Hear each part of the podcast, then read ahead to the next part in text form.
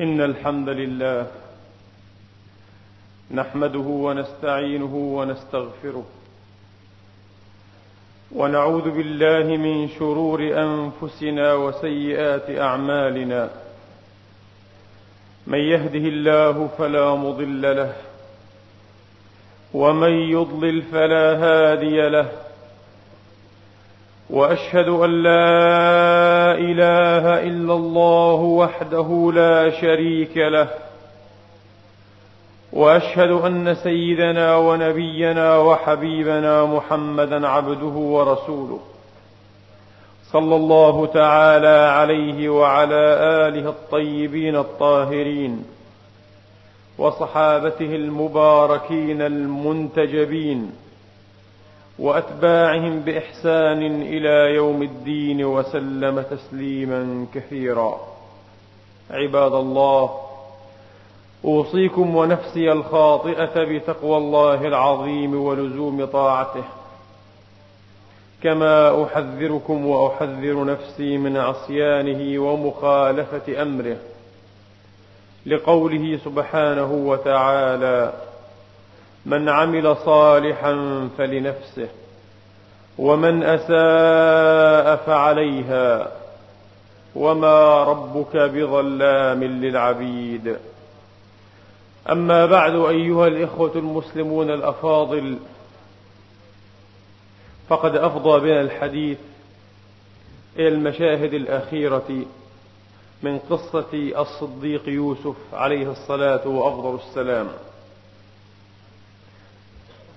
لقد فجع الشيخ الكبير يعقوب عليه السلام بنبأ اختفاء ابنه الحبيب الأثير الصغير الآخر بنيامين. وقد بعث الأسى الجديد الأسى القديم وحرك الشجى الحادث الشجى الثالد وفقد الرجل النبي بصره عليه الصلاة وأفضل السلام. وكأن لسان حاله يقول لما تيقنت أني لست أبصركم غمضت عيني فلم أنظر إلى أحد. كأن الدنيا شاهت في نظره وكأنها لؤمت تجاهه وقبالته فقرر أن ينسحب منها وألا يرنو ببصره إلى أحد من الخلق. إلا أنه اعتصم ثانية كما اعتصم في الأول بالصبر الجميل ولم ييأس من روح الله ولم يقنط من رحمته سبحانه وتعالى فهو على علم أكيد بحياة يوسف وحياة أخويه الآخرين الأكبر والأصغر ويعلم من الله ما لا يعلم أبناؤه ولا غيرهم. قالوا تالله تفتأ تذكر يوسف حتى تكون حرضا أو تكون من الهالكين. يقسمون بالله أنه لا يترك ولا يذر ذكر يوسف والتعريج عليه في أصبوحاته وأمسياته حتى يصير مريضا مشفيا على الهلاك.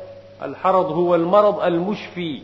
لصاحبه على الهلاك حتى تكون حرضا أو تكون ضمن الأموات تهلك مع من هلك كمدا وحزنا ومرارة وأسى.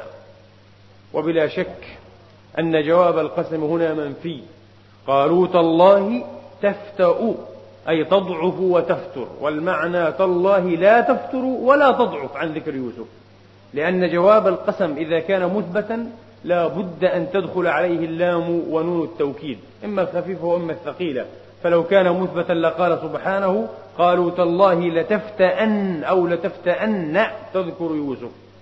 كما قال الشاعر فقلت يمين الله أبرح قاعدا ولو قطعوا رأسي لديك وأوصالي. يمين الله لا أبرح قاعدا ولو قطعوا وقطعوا. قالوا تالله تفتأ تذكر أي لا تفتأ.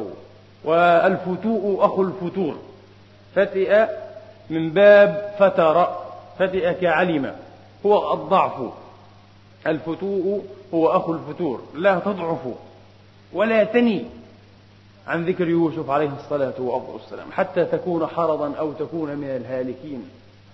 قال إنما أشكو بثي وحزني إلى الله. ويبدو أنهم قالوا له هذه المقالة من باب التسلية والإشكاء من باب التسلية والإشكاء ليزيلوا مرارته ليخففوا عنه من أساه قد أهمهم أمره من باب التسلية والإشكاء إلا أنه رد مجيبا إنما أشكو بثي وحزني إلى الله وأعلم من الله ما لا تعلمون. يا بني اذهبوا فتحسسوا. التحسس هو المبالغة في التعرف وتطلب الشيء من الحس؟ والحس أصلا هو الإدراك بالحاسة. الحس هو الإدراك بالحاسة. جميع الحواس الخمس أو غيرها. وهو أعم من التجسس. لأن التجسس تحسس أو تطلب وتعرف مع تخف وتستر. وأما التحسس فمن غير تستر ومن غير تخف. ومن غير تخف. اذهبوا فتحسسوا من يوسف وأخيه. ولا تيأسوا من روح الله. ليس من روح الله من روح الله بالفتح من روح الله. وأصل الروح هو التنفس. أراح فلان إذا تنفس؟ أراح فلان إذا تنفس. استعير للتفريج. استعير للتفريج للتنفيس. للتفريج عن المكروب والتنفيس عن المهموم. كما استعير أيضا لفظ التنفيس فهو من النفس. التنفيس من النفس. استعير من معناه الحقيقي إلى معنى التفريج إلى معنى التفريج عمن به هم أو عمن نزل به غم ومرار. اذهبوا فتحسسوا من يوسف وأخيه ولا تيأسوا من روح الله إنه لا ييأس من روح الله إلا القوم الكافرون. اليأس من رحمة الله هو هي صفة من صفات الكافرين هي صفة من صفات الكافرين. لا يعني هذا أن المؤمن إذا أيس من رحمة الله فقد كفر. لا أبدا. هذا لا يفهمه إلا من ليس له ذوق في لغة العرب. فضلا عن بيان رب العزة سبحانه وتعالى في كتابه. مفاد الآية ومنتهى مفادها لا ييأس من روح الله إلا القوم الكافرون أن هذا أو أن هذه الصفة هي من صفات من جملة صفات الكافرين. لا أن من وقعت عليه هذه الصفة أو من اتصف بها فهو من الكافرين. كلا هي من صفات الكافرين. لكن قد يتصف بها المؤمن لاعتبار آخر ولا يعتبر كافرا. نعم قد ذكر الفقهاء أن اليأس من رحمة الله وسوء الظن بالله والقنوط من رحمة الله هي من جملة الكبائر. وسأفصل القول فيها إن شاء الله بما يتسع له المقام. وقد ذكر بعض العقديين بعض المصنفين في العقائد كصاحب النسفية مثلا ذكر أن القنوط من رحمة الله كفر. اليأس من الله أو من رحمة الله والقنوط من رحمة الله كفر. فكيف يمكن التوفيق بين من قال إنه من جملة الكبائر وبين من قال إنه كفر بالله والعياذ بالله سبحانه وتعالى؟ روى الإمام ابن ماجه في تفسيره والديلمي في مسنده أن النبي عليه الصلاة والسلام قال أكبر الكبائر أكبر الكبائر. سوء الظن بالله. أكبر الكبائر سوء الظن بالله. وقد قال الإمام علي كرم الله تعالى وجهه فيما أخرجه أبو بكر ابن المنذر في تفسيره عنه. قال أكبر الكبائر اليأس من رحمة الله وسوء الظن بالله.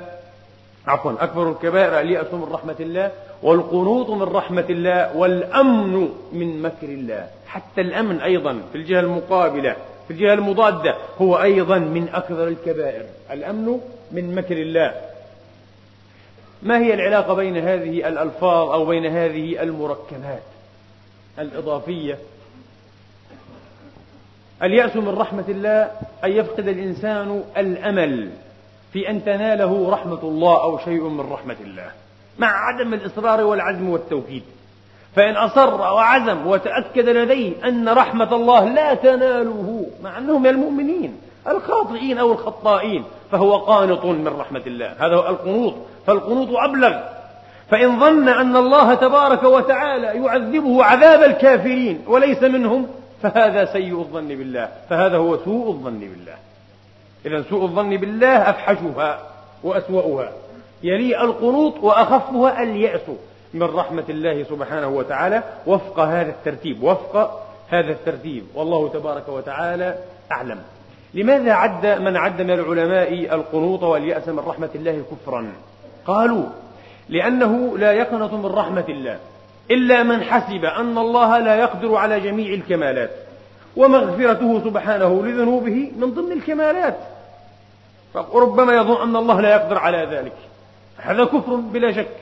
أو ظن أن الله لا يعلم جميع المعلومات فهذا أيضا كفر. أو ظن أن الله ليس بكريم وليس بعفو وليس بغفار وليس بحسن الصفح وليس بعظيم التجاوز والسمع فهذا كفر أيضا هذا كفر أيضا. وربما وقع هذا طبعا للكافرين.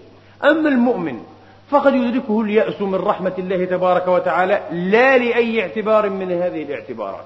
ولا لأي معنى من هذه المعاني وإنما لاستعظامه ذنبه في جنب الله سبحانه وتعالى. هو يستعظم ذنبه ويظن أنه لبلوغه دركا بعيدا سحيقا في قلة الأدب وعدم الاحتشام مع ربه وعدم رجائه وقارا لله سبحانه وتعالى أنه ليس من المستحقين وليس من المستأهلين رحمة الله سبحانه وتعالى. قد ييأس المؤمن لهذه الاعتبارات لا الاعتبارات الأولى. فهذا بالقطع والحري ليس كفرا. هذا بالقطع والحري ليس كفرا ولا يقول به قائل. ولذا نحن نحمل قول من قال من علماء العقيدة إن اليأس من رحمة الله كفر على المعنى الأول. ونحمل من قال إنه من الكبائر على المعنى الثاني. وطريقة الفقهاء أوفق بسنة المصطفى صلى الله عليه وسلم فقد روى الإمام أبو الحسن الدار قطني من حديث ابن عباس رضي الله تعالى عنهما مرفوعا أن النبي عليه الصلاة والسلام ذكر جملة من الكبائر وذكر منها اليأس من رحمة الله عاطفا إياها أي هذه الكبيرة على الشرك بالله فهو ليس من الشرك وليس من الكفر والعطف يقتضي المغايرة العطف يقتضي المغايرة. ولا تيأسوا من روح الله إنه لا ييأس من روح الله إلا القوم الكافرون. فلما دخلوا عليه طوى السياق مشاهد كثيرة وانتقل بنا إلى ديار مصر كرة أخرى. جاءوا إلى العزيز يوسف الصديق عليه الصلاة وأفضل السلام وقد أضرت بهم المزغبة وأضر بهم الذل والهوان. فلما دخلوا عليه قالوا يا أيها العزيز مسنا وأهلنا.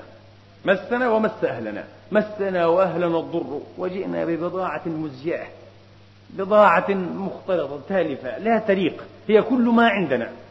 فأوف لنا الكيل. مع أنهم لا يستحقون بهذه البضاعة المزجاة كيلا وافيا. فأوف لنا الكيل وتصدق علينا. طلبوا الصدقة هنا. فهم لا يقايضون أو يبتاعون وإنما يتوسلون إليه بأن يتصدق عليهم. فسبحان من رفع مقامه وأنزل مقامهم أو نزل بمقامهم وهذا جزاء الصبر. هذا جزاء الصبر والاعتصام بالله سبحانه وتعالى. صاروا في موقف لا يحسدون عليه وتصدق علينا. إن الله يجزي المتصدقين. وهنا برح الخفاء. لم يجد الصديق عليه الصلاة والسلام بدا ومندوحة أو ندحة عن أن يميط اللثام عن شخصيته. وأن يجلي لهم هويته. قال هل علمتم ما فعلتم بيوسف وأخيه إذ أنتم جاهلون؟ الله أكبر. لقد تبدى لهم بلا شك في هذه اللحظة. يوسف الصغير في يوسف العزيز الوزير. تبدى. بلا شك أدركوا شيئا من الملامح والعلائم والمشابهات والمقاربات. وربما أيضا في الصوت. نظروا فيه. قالوا أئنك لأنت يوسف؟ إنك لأنت هو؟ أنت يوسف بلا شك. أئنك لأنت يوسف؟ قال أنا يوسف. وهذا أخي. قد من الله علينا. إنه من يتقي ويصبر فإن الله لا يضيع أجر المحسنين. يا له من موقف. يا له من موقف يهز الأعصاب. ويثير الكوامل. ويحرك معاني ومعاني في النفس. هذا كما قلت جزاء الصبر. جزاء من اعتصم بالله سبحانه وتعالى. ما صعد الصديق ولا سعد. إلا بإعتصامه بعروة الله الوثقى وتمسكه بها. عليه الصلاة والسلام. إنه من يتقي إنها سنة من سنن الله في الاجتماع وفي البشر. إنه من يتقي ويصبر. العاقبة دائما للصابرين. العاقبة للمتقين. ليست للمتعجلين. الذين يتعجلون مشتهياتهم ويركبون متون أهوائهم ليصلوا إلى مبتغياتهم من حل أو من حرام. بما يليق وبما لا يليق. إنه من يتقي ويصبر. فإن الله لا يضيع أجر المحسنين. جللهم هنا الخزي والعار. ألبسوا لبوسا أو لباسا من الخزي والمذلة والهوان والصغار والعار. قالوا تالله لقد آثرك الله علينا. فضلك الله وقدمك ورفعك علينا. قالوا تالله لقد آثرك الله علينا وإن كنا لخاطئين. ولم يقولوا لمخطئين. لأنهم تعمدوا الخطأ كانوا خاطئين لم يكونوا مجرد مخطئين. المخطئ هو من وقع في الخطأ عن غير تقصد ولا تعمد. وأما الخاطئ فهو الذي وقع في الخطأ وفي الشر وفي السوء عن سبق إصرار وتعمد وتخطيط وترصد كما يقال. اعترفوا بأنهم تعمدوا ذلك. ليس لهم عذر يقيمونه بين يدي الأخ العزيز عليه الصلاة والسلام. وإن كنا لخاطئين. ما أوسع صدره ما أعظم أخلاق النبوة وهو من جملة الأنبياء العظام الكريم ابن الكريم ابن الكريم ابن الكريم. قال لا تثريب عليكم اليوم. اكتفى بهذا. لا تثريب عليكم. لا ملام. لا عتب. لا عتب ولا ملام ولا تقريع. لا تثريب عليكم. يغفر الله لكم. قد تكون جملة دعائية وهذا أوفق بها إن شاء الله. لا تثريب عليكم نقف هنا وقف وقفا مستحسنا لا تثريب عليكم. يغفر الله اليوم يغفر الله لكم وهو أرحم الراحمين. الصدر الكبير والنفس الكبيرة لا تعرف الأحقاد الصغيرة لأن الأحقاد لا تتسع لها إلا النفوس الصغيرة إلا القلوب المهزولة الضعيفة. وإن الذي بيني وبين بني أبي وبين بني عمي لمختلف جدا.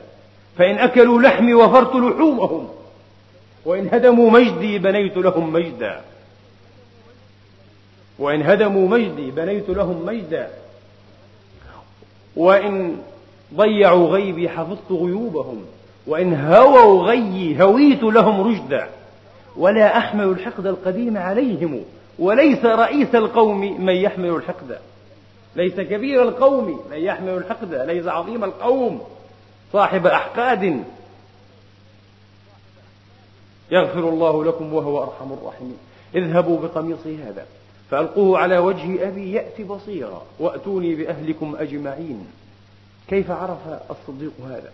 إنه من وحي الله ولا ينبغي أن يفسر إلا بهذا التفسير.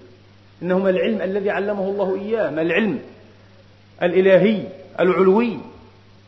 يأتي بصيرا وأتوني بأهلكم أجمعين. ولما فصلت العير لما ابتعدت عن المكان ربما قصد بالمكان مصر. وفسرها بعضهم بأنها اقتربت من ديار كنعان. الله أعلم هذا لا يعنينا. المهم أن يعقوب عليه الصلاة وأفضل السلام. وجد الريح ريح يوسف التي تعبق من قميصه على مبعدة على مكان بعيد. في بعض الروايات من مسيرة ثلاثة أيام وفي بعضها من مسيرة أبعد. وأسحق الله أعلم. لكن من مبعده أيضا هذا من معجزات النبوة. ويعقوب من شيوخ الأنبياء عليه الصلاة وأفضل السلام ولما فصلت أي ابتعدت ولما فصلت العير قال أبوهم إني لأجد ريح يوسف لولا أن تفندون. ما أعظم تعلقه بابنه الحبيب الأثير. بعد غيبة قيل دامت أربعين سنة وقيل أكثر وقيل أقل. إني لأجد ريح يوسف لولا أن تتهموني بفند بخرف لحق بي بخبل ركبني. لولا أن تقول هذا رجل مخبول مفند مجنون خرف شيخ خرف كبير لتحققتم يا معشر الحاضرين صحة ما أقول. الجواب محذوف. لولا أن تفندون لتحققتم صحة ما أقول. وعلمتم صدق ما أخبرت به. هذه ريح يوسف. لولا أن تفندون. طبعا هو هنا لم يخاطب أبنائه لأن أبنائه كانوا في الطريق إليه. إنما خاطب الحاضرين من أهله الذين كانوا عنده ثمت الذين كانوا عنده ثمت لولا أن تفندون قالوا تالله فندوه. قالوا تالله إنك لفي ضلالك القديم. أنت في ضلتك لم تبرح وعبروا حتى بالظرفية للمبالغة إنك لفي ضلالك القديم الضلال محيط بك. أنت ما زلت أي في ضلالك وفي ضلتك. ضلة رأيك وتصورك القديم. فلما أن جاء البشير الذي يحمل القميص فلما أن جاء البشير واحد من أبنائه آه ألقاه على وجهه فارتد بصيرا. ألقى القميص على وجهه فارتد بصيرا. وقد حدثتكم قبل أربع سنين تقريبا عن أحد الباحثين الإسلاميين أنه فكر كثيرا في هذه الآية. فألهم أنه ربما كان في العرق ربما كان في عرق الإنسان الذي يعلق ويتشربه قميصه أو ملبسه أو رداؤه. شيء مما يفيد في علاج بعض أمراض العين وقد ثبت ذلك علميا. درس العرق دراسة علمية في ضوء ما أوحت إليه به الآية وثبت ذلك علميا وسجل عالميا قبل أربع سنين تقريبا. باحث في المملكة العربية السعودية باحث إسلامي في هيئة الإعجاز العلمي في القرآن والسنة. وهذا من معاجز كتاب الله التي لا تتناهى. من معاجز القرآن التي لا تتناهى. فارتد بصيرا. قال ألم أقل لكم إني أعلم من الله ما لا تعلمون. يوسف موجود. والريح التي وجدتها هي أيضا ريح يوسف.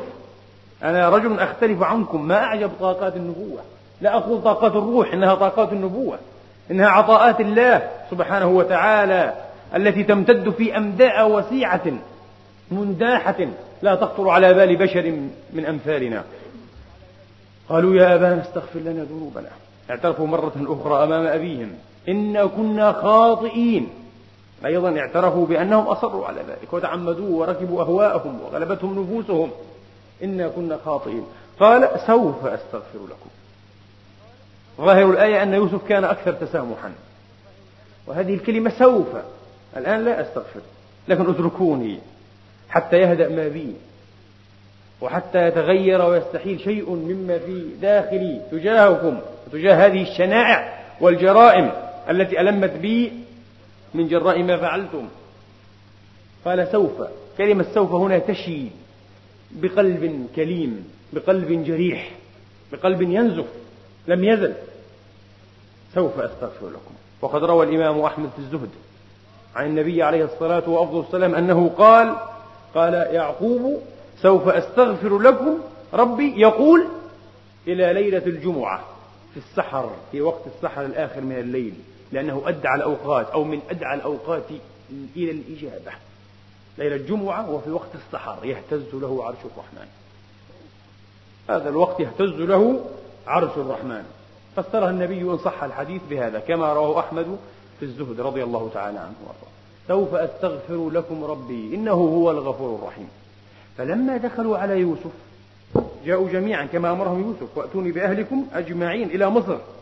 جاءوا جميعا طوى السياق أيضا مجاهد كثيرة يقدرها ويملأها الخيال وربما التذ بهذا الملء. فلما دخلوا على يوسف آوى أدنى وقرب إليه كما آوى إليه أخاه من قبل. آوى إليه أبويه وقال ادخلوا مصر إن شاء الله آمنين. جملة دعائية أيضا. إن شاء الله آمنين. ورفع أبويه على العرش على كرسي الملك والسلطان. ورفع أبويه. طبعا أمه كانت عند أكثر المفسرين قاطبة. توفيت منذ زمن بعيد إلى رحمة الله. وإنما أمه المذكورة هنا ضمنا هي خالته. أباه يعقوب الصلبي وهذه خالته. والخالة كما قال عليه الصلاة والسلام بمنزلة الأم. والعم صنو الأب كما تقول العرب. والعم صنو الأب والأخ الكبير أيضا بمنزلة الأب عند فقد الأب عند فقد الأب كما وراه البيهقي. ورفع أبويه على عرشه وخروا له سجدا. هل خر له أبواه أيضا؟ نعم خر له الجميع. إخوانه وكانت عدتهم أحد عشر أخا. وأبواه أيضا مصداقا لما في أول السورة من نبأ الرؤيا. إني رأيت أحد عشر كوكبا والشمس والقمر رأيتهم لي سجدين بأجمعهم.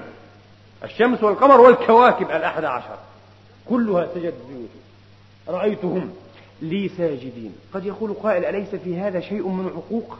أن يسجد أبوه له وأن تسجد خالته. المعبر عنها بأمه؟ له لا. ليس في هذا شيء من عقوق. لأنه لا يفضي إلى شيء من امتهان ما يليق بكرامتهما. عليهما السلام. ذلكم أن هذا كان مأذونا به في شريعتهم أو في شرائعهم وكان مضطردا في عادات الأقدمين.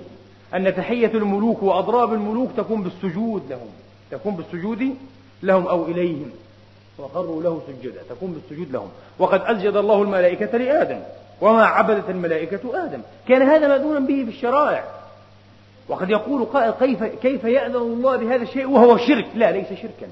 السجود على سبيل التحية كما سجد الملائكة وكما كان مأذونا به في الشريعة القديمة وكما سجد يعقوب وخالة يوسف وإخوانه له على سبيل التحية لا على سبيل التقرب بالعبادة أو تعبدا ليس شركا. وإنما قد يقف الإنسان منا الآن في هذه الشريعة التي نسخت جواز ذلك. أمام إنسان بنية العبادة هذه الوقفة فيكفر يعتبر مشركا. فإن وقف هكذا ساعة أمام وزير أو رئيس أو عالم أو شيخ فاضل أو ولي من أولياء الله لا يعتبر مشركا لأنه ما قصد إلا التعظيم ولم يقصد العبادة.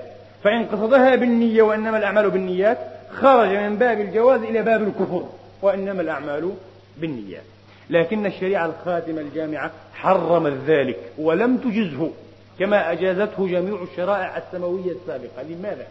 لمساواة العباد وهي شريعة المساواة. لمساواة العباد في معنيين في المخلوقية وفي العبودية. في المخلوقية وفي العبودية. فنسخت جواز ذلك وهذا غير مباح لنا في شريعتنا. لما كان معاذ بن جبل رضي الله تعالى عنه وأرضاه في بلاد الشام وأبى إلى رسول الله أول ما رأى رسول الله إذا رأى خر له سائلا. قال يا معاذ قم ما هذا الذي تفعل؟ قال يا رسول الله رأيتهم يسجدون لبطارقتهم. وكبرائهم. فقلت في نفسي لأفعلن ذلك برسول الله فهو أحق منهم بالسجود والتعظيم. قال لا يا معاذ إنه لا يليق أو لا يجوز لمخلوق أن يسجد أي لأحد. لا ينبغي السجود إلا لله أو كما قال عليه الصلاة والسلام. حرم هذا حتى في حق النبي.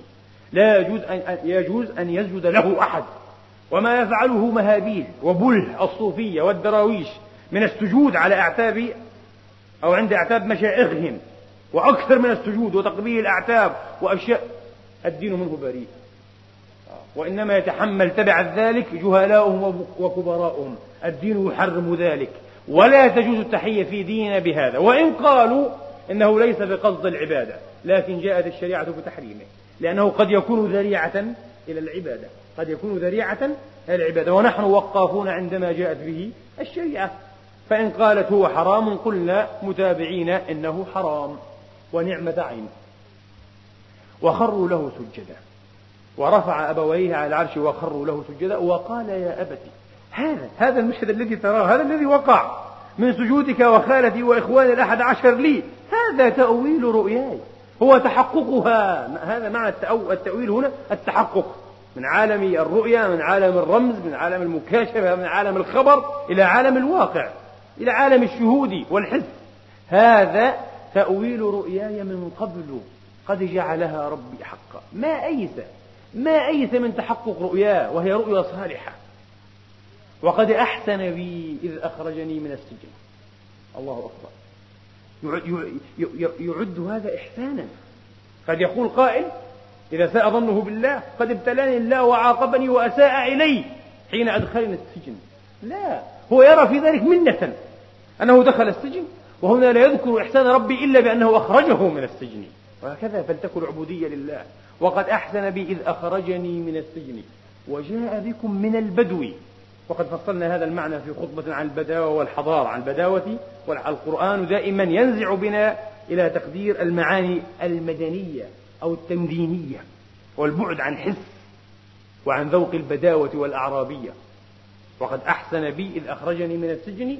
وجاء بكم من البدو من بعد أن نزغ الشيطان بيني وبين أخوتي. مرة أخرى يبرز لنا صفحة من خلقه العظيم ومن شخصيته الباذخة السامقة الماجدة. لقد ألم بما فعل إخوانه من شنائع ومقابح وعظائم المام الكرام على عجل إجمالا من غير تفصيل جاعلا ذلك من نزوغ الشيطان. أبدا الشيطان هو الذي أغراهم بذلك لكن هم طيبون. هم ينطون على خير كثير نفوسهم طيبة ما زال فيها خير كثير من بعد أن نزغ الشيطان نسب ذلك إلى الشيطان ولم ينسبه إليهم وقد تحققنا من ذلك مرتين على لسانهم إنا كنا خاطئين اعترفوا بذلك. لكن هذا هو أدبه عليه الصلاة والسلام. من بعد أن نزغ الشيطان بيني وبين إخوتي إن ربي لطيف لما يشاء. يتلطف الله سبحانه وتعالى كيف شاء بما شاء ولما ولمن يشاء سبحانه وتعالى. ما معنى ذلك؟ يتلطف بالوجوه الخفيات والمعاني الدقيقات التي لا تخطر على قلب بشر. فربما أنقذ وليه وربما أنقذ عبده بالمخوف والمكروه. وكان في ذلك إنقاذا له وهو لا يدري. وربما عاقبه وربما آخذه وقصمه سبحانه وتعالى بما يحب وبما يتمنى ويصبو إليه. فالله عز وجل لكن لا يستخدم اللطف إلا في المعنى الأول إلا في المعاني الأولى الطيبة فهو من صفات الجمال فهو من صفات الجمال وليس من صفات الجلال. إن ربي لطيف لما يشاء إنه هو العليم الحكيم. بصيغة التأكيد. إنه هو العليم الحكيم. ذات العبارة. نفس العبارة أو التعليق التي فاه بها يعقوب الشيخ عليه السلام في أول القصة حين قص عليه صغيره رؤياه العجيبة المعجبة. إن ربك عليم حكيم. ماذا قال هنا يوسف؟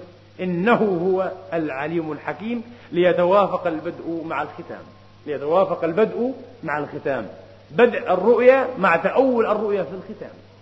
إنه قصة قصة يوسف هي قصة العلم والحكمة. العلم الإلهي والحكمة الإلهية الوسيعة الرحيبة. إنه هو العليم الحكيم. وتنتهي القصة هنا. تنتهي عفوا لكن بعد شيء يسير يسحب يوسف عليه الصلاة والسلام نفسه بعد أن رأى هذا الكمال. الأمر قد كمل وتم. قد اجتمع الشمل بالأبوين الجليلين الشيخين الكبيرين وبالأخوة وصفة القلوب وراق الزمان ولائمة الظروف. لكنه يدرك عليه الصلاة والسلام بحسه الربوبي أنه ما تم أمر إلا كان في ذلك علامة على بدء التنقص على بدء النقصان. عمر بن الخطاب رضي الله تعالى عنه وأرضاه لما أنزل الله تبارك وتعالى اليوم أكملت لكم دينكم وأتممت عليكم نعمتي ورضيت لكم الإسلام دينا. يقول بكيت وبكى جماعة من الصحابة وعلموا أن في هذا إنذارا بقرب وفاة رسول الله.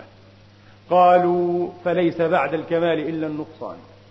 فليس بعد الكمال والتمام إلا النقصان. وأول ما يبدأ التنقص في هذه الأمة بموت رأسها وعظيمها ومقدمها المصطفى الأحمد عليه الصلاة والسلام. وهكذا كان وهكذا كان.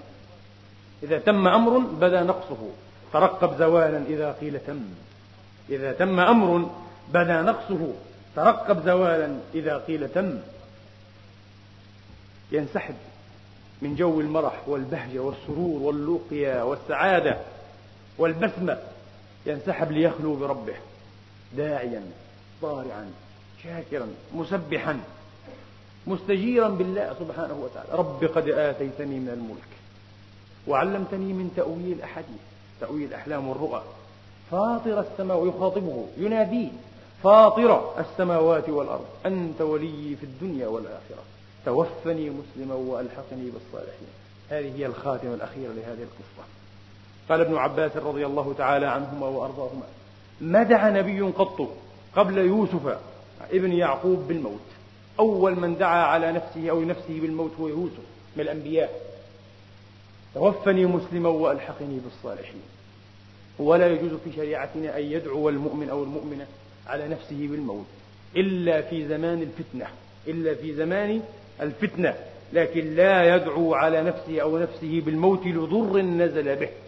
يقول عليه الصلاة والسلام لا يتمنين أحدكم الموت لضر نزل به أي لضر في بدنه في عافيته في ماله ربما في أهله أو في أي شأن من شؤونات دنياه لا من شؤونات دينه لضر نزل به. فإن كان لابد فاعلا فليقل اللهم أحيني. ما كانت الحياة خيرا لي وتوفني إذا كانت الوفاة خيرا لي. وكان من جملة دعائه عليه الصلاة وأفضل السلام. أسألك وأسألك وأسألك وإذا أردت بعبادك أو بخلقك فتنة فاقبضنا إليك غير مفتونين نعم ندعو بأن يتوفانا الله إذا أراد بعباده وبخلقه فتنة. ونستعيذ بالله ونستجير ونعتصم به سبحانه وتعالى أن يتوفانا في حال فتنة. اللهم لا تتوفنا مفتونين ولا خزايا ولا نادمين يا رب العالمين. واحفظنا بالإسلام قائمين وقاعدين وراقدين.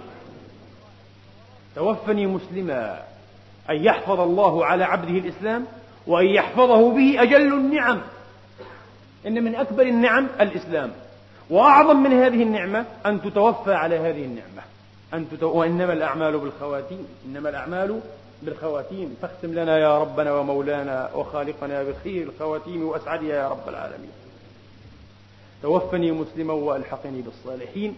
انتهت القصة وبدأ هنا التعليق إلى آخر سورة يوسف. ذلك من أنباء الغيب. نوحيه إليك. وما كنت لديهم يا محمد. إذ أجمعوا أمرهم وهم يمكرون. هذا التعليق ساقه القرآن مرارا. إثر وأثناء أكثر من قصة. أتذكر أو أستذكر من ذلك أثناء قصة مريم عليها الصلاة وأفضل السلام. قال سبحانه في سورة العمران قال سبحانه وتعالى ذلك من أنباء الغيب. نوحيه إليك وما كنت لديهم إذ يلقون أقلامهم أيهم يكفل مريم وما كنت لديهم إذ يختصمون. كله بوحي كله بتعليمي إياك يا محمد. وقال له سبحانه وتعالى في سورة هود إثر قصة أو إثر قصه عليه قصة نوح عليه الصلاة والسلام تلك من أنباء الغيب نوحيها إليك. ما كنت تعلمه أنت ولا قومك من قبل هذا فاصبر إن العاقبة للمتقين. وقال له كما في سورة القصص مثلا إثر قصة الكليم موسى وما كنت يا محمد وما كنت بجانب الغربي. الجانب الغربي من الطور. وما كنت بجانب الغربي. إذ قضينا إلى موسى الأمر وما كنت من الشاهدين. وقال له بعدها بآية وما كنت بجانب الطور إذ نادينا ولكن رحمة من ربك لتنذر قوما ما أتاهم من نذير من قبلك لعلهم يتذكرون. كل هذه القصص موحى من الله تبارك وتعالى إلى محمد. ليس لمحمد فيها شيء إنها قصص واقعية إنها قصص حقيقية وتاريخية. أما لماذا كانت هذه القصص؟ فإننا نترك ما بين هذا التعليق الأول وما بين خاتمة السورة. لأن الوقت لا يسعفنا. لقد كان في قصصهم عبرة لأولي الألباب. هذا اسم كان مقدم. طبعا لأن خبرها وقع شبه جملة. لقد كان في قصصهم عبرة لأولي الألباب. ما كان حديثا يفترى. ولكن تصديق الذي بين يديه بعض الأغبياء من المستشرقين وأذنابهم وأشياعهم. كلما ألفوا أو وجدوا أو وقعوا على شيء من مشابهة بين التشريع الإسلامي والشريعة العيسوية أو الموسوية قالوا محمد ائتفك ما عند موسى أو عيسى وأخذ بما عندهما. القرآن يؤكد ذلك. هناك اتفاق كبير وكبير جدا فهم إخوة وكلهم مستمد من بحر واحد ومن معين واحد. ما العجب في ذلك؟ إن هذا لفي الصحف الأولى صحف إبراهيم وموسى وإنه لفي زبر الأولين. وإنه لفي زبر. ما يقال لك إلا ما قد قيل للرسل من قبلك. تصديق الذي بين يديه مرات عديدة تصديق الذي بين يديه القرآن يقرر هذه الحقيقة. قبل أن يتفطن هؤلاء الأغبياء الأدعياء في باب العلم من المستشرقين وأذنابهم. طبعا بديهٌ أن يتفق كثير مما جاء به محمد. مع ما جاء به موسى وعيسى وغيرهما. لأنهم جميعا إخوة إخوان أنبياء برسالة واحدة من مصدر واحد. العجب أنهم يختلفون. والله يا إخوان لو أردنا أن نفكر بعقل لقلنا لو كان محمد وحاشاه ألف مرة وأعوذ بالله من زلات اللسان وزلقات الجنان لو كان محمد عليه الصلاة والسلام أفاكا دعيا وأستغفر الله ألف مرة لخالف كل ما جاء به الأنبياء قبله. حتى يتفرد أليس كذلك؟ حتى يتفرد. لكنه أن يوافقه في كثير مما جاءوا به هو قاطع بنبوته. وبصدقه. وهذا هو مراد القرآن من تقرير هذه الحقيقة. ما كان حديثا يفترى ولكن تصديق الذي بين يديه وتفصيل كل شيء. كل شيء على عمومها وإطلاقها بديهٌ أنه كلا الجواب بكلا تفصيل كل شيء مما يمكن للقصص أن تفصله. من باب في باب العظات والعبر. في باب العظات والعبر. وتبيان الأمور. وليس كل شيء على العموم والإطلاق. تصديق الذي بين يديه وتفصيل كل شيء وهدى ورحمة لقوم يؤمنون. هذه الخاتمة لقد كان في قصصهم يمكن أن تعبر عن هدف ومغزى القصص القرآني القرآنية عموما. ويمكن أن توضع خاتمة لكل قصة مما أورد القرآن العظيم من قصة. مما أورد القرآن العظيم من قصة. والله تبارك وتعالى أعلم. نصلي انتهاء ونسلم. على نبي الله الكريم الحليم يوسف ابن يعقوب وعلى آبائه وأجداده أجمعين. كما نصلي أولا وأخيرا أفضل صلاة وأتم تسليم على روح النبوة ومدد الرسالة ومقدم النبيين والمرسلين بل مالك أزمتهم أجمعين. على سيدنا ومولانا وحبيبنا محمد صلى الله تعالى عليه وآله وأصحابه وسلم. ونسأل الله تبارك وتعالى أن يسلك بنا سبيلهم. وأن يجعلنا ممن يقتدون بهديهم فبهداه مقتده. أقول قولي هذا وأستغفر الله لي ولكم فاستغفروه. ويستجيب الذين آمنوا وعملوا الصالحات ويزيدهم من فضله. والكافرون لهم عذاب شديد. وأشهد أن لا إله إلا الله وحده لا شريك له. وأشهد أن سيدنا وحبيبنا ونبينا محمدا عبده ورسوله. اللهم صل وسلم عليه وعلى آله الطيبين الطاهرين وصحابته المباركين وأتباعهم بإحسان إلى يوم الدين. صلاة ليس لها منتهى دون علمك. صلاة وسلاما أتمين أكملين دائمين بدوام ملك الله سبحانه. اللهم إنا نسألك الهدى والتقى والعفاف والغنى. اللهم أحسن عاقبتنا في الأمور كلها وأجرنا من خزي الدنيا وعذاب الآخرة. اللهم اجعلنا هداة مهتدين. غير ضالين ولا مضلين. نسألك فعل الخيرات وترك المنكرات وحب المساكين وأن تغفر لنا. وإذا أردت بعبادك فتنة فقبضنا إليك غير مفتونين. اللهم إنا نسألك من كل خير خزائنه بيدك. نسألك كل ما يقرب إليك من قول وعمل. ونعوذ بك من كل ما يباعد من رحمتك وقربانك ورضوانك. اللهم إنا نسألك الجنة وما قرب إليها من قول وعمل ونعوذ بك من النار وما قرب إليها من قول وعمل ونسألك ما قضيت لنا من أمر أن تجعل عاقبته لنا رشدا. اللهم أعنا على نفوسنا اللهم أعنا على نفوسنا اللهم ألهمها رشدها اللهم ألهمها رشدها وزكها.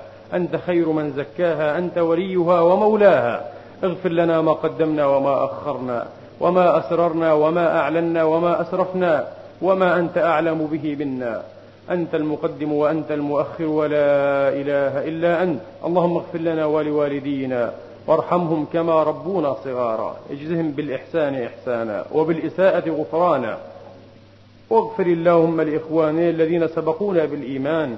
ولا تجعل في قلوبنا غلا للذين آمنوا.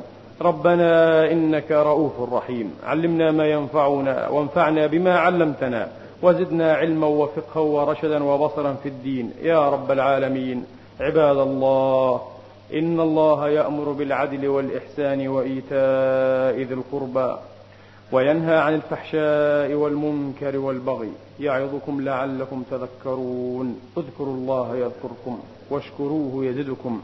وسلوه يعطكم وقوموا إلى صلاتكم يرحمني.